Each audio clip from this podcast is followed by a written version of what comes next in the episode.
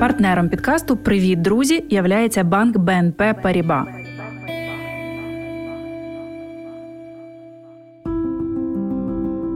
Добрий ранок, ми з України. Це привітання нині звучить як гасло в багатьох країнах Європи, зокрема і в дружніх польських містах та містечках. Саме сюди приїхало найбільше українців, які тікають від війни. Я Євгенія Мотрич, журналістка і редакторка українського телеканалу, а нині зі своїм семирічним сином вимушена переселенка. На власному досвіді знаю, як непросто опинитися в чужій країні і адаптуватися до нових умов, не потонути в потоці новин з батьківщини і зберегти ментальне здоров'я. Тож відтепер шукаю і перевіряю для вас найголовніше для і про життя тут у Польщі. Про можливості Привіт, дівчата! Це назва грантової програми для українських жінок у Польщі. Півтора мільйони злотих вже зібрали і розподілятимуть на кращі довгострокові проекти для українських переселенок. Проект започаткувало об'єднання польсько-українське сестринство. Це коаліція з 25 жінок з Польщі та України, серед яких, зокрема, дружина українського посла у Польщі Ірина Дещиця, президентка Європейської кіноакадемії Агнешка Голанд, голова Kulczyk Foundation Домініка Кульчик, письменниця Оксана Забушко і Нобелівська лауреатка Ольга Токарчук. Токарчук. Гранти виділятимуть на соціальні ініціативи, які допоможуть покращити становище українських жінок і дітей. Серед головних критеріїв, за якими відбиратимуть проекти, це приміром психологічна підтримка, соціальна адаптація в новій реальності, створення нових робочих місць, залучення до проекту жінок і людей похилого віку, підтримка гуманітарних каналів чи культурних ініціатив.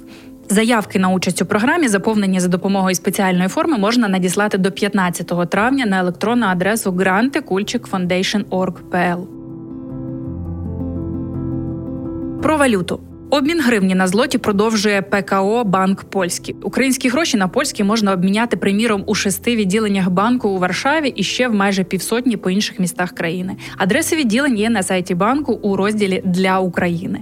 Для обміну візьміть з собою закордонний паспорт або id карту видану пізніше 2016 року. Банк приймає банкноти номіналом лише 100, 200, 500 або 1000 гривень. Монети або пошкоджені купюри для обміну у вас не візьмуть. Максимальна сума, яку ви можете можете обміняти на злоті 10 тисяч гривень на одного дорослого.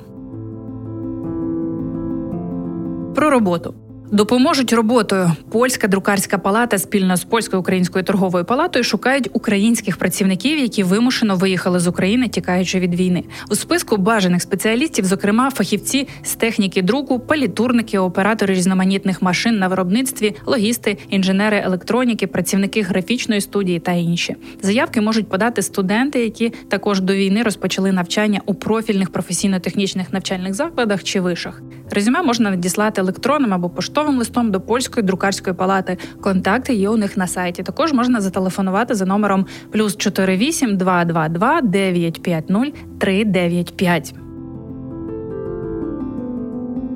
Про емоції. Зараз у період війни майже всі переживають стресовий стан. Психологи фіксують емоційне вигорання. Про його симптоми, що цим робити, я взяла найголовніше у психологині Галини Волошиної. Як зрозуміти, що вас наздоганяє емоційне вигорання? Ви швидко втомлюєтеся, відчуваєте відчай і безвихідь, а також агресію. По-перше, визнайте проблему. Пам'ятайте, що це нормальна реакція організму на ненормальні події. Намагайтеся направити свою агресію у фізичну діяльність, творчість, допомогу іншим. Практикуйте дихальні техніки, вдих коротший за видих. Якщо відчуваєте, що вас накриває, і ви зараз не стримаєтесь і почнете кричати, приміром, на дитину, спробуйте техніку акваріум. Уявіть, що зараз ваш рот повний води. Повільно порахуйте до 10, а потім глибоко видихніть. Не забувайте піклуватися про себе та приділяти собі час. Якщо ви відчуваєте, що ваш стан є критичним, то краще зверніться до спеціаліста. На цю мить все більше важливого згодом. Слава Україні, миру усім нам.